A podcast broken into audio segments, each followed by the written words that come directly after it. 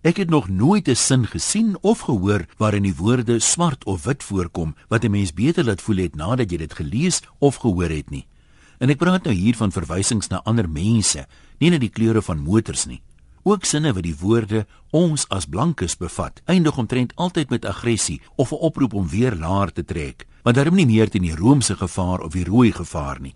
Net so met die huidige rassistiese goed op sosiale media wat swart mense ape noem of hulle aanmoedig om soos Hitler te maak en die land van die wites te reinig.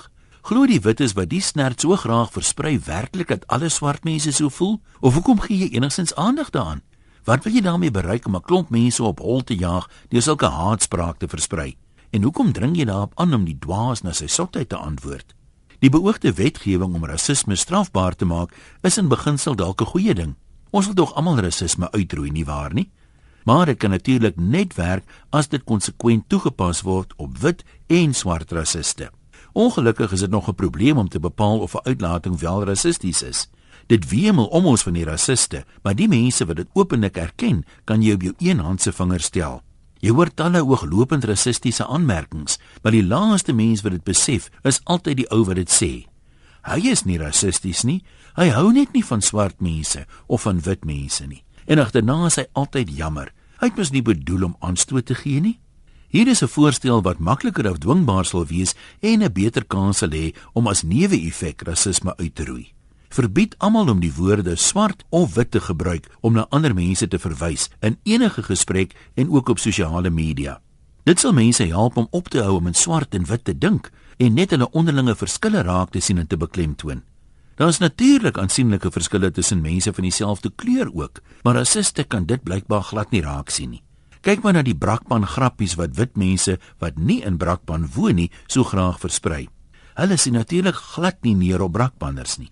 Die verskille tussen swart mense wat in Sandton woon en die in die informele woonbuurte op die platteland is selfs groter. Nou as daar sulke groot verskille is tussen wit en swart mense onderling, is dit tog net logies dat daar oor kleurgrense heen net sulke groot verskille sal wees. Maar hoekom daarop fokus as die ooreenkomste soveel meer is? Ek het op Sondagskool geleer dat alle mense na God se beeld geskape is, maar dit lyk nie of dit algemeen onder alle Christene aanvaar word nie. Net soos die gebod oor naaste liefde ook maar taamlik selektief toegepas word. Dis nie vir my om te oordeel nie, maar ek sou nogal graag eendag wil hoor wat is sulke mense se redenasies as hulle daar voor die regterstoel verskyn. Intussen moet ons onthou, ons het nie wetgewing nodig om ons te dwing om die regte ding te doen nie. Ons kan kies. Kom ons kies om op te hou om kleur te gebruik om mekaar te definieer. Dis in niemand se belang nie. En onthou, daar is engele van alle kleure hier op aarde, net soos monsters. Kom ons skyn liewer die lig van selfondersoek in die hoekies van ons harte en verdryf die donker daaruit sodat ons en almal met wie ons in aanraking kom beter kan sien. Vergeet eers van hulle en begin by jouself. Net jy kan goed genoeg in jou eie hart sien. Groete van oor tot oor. Antoniem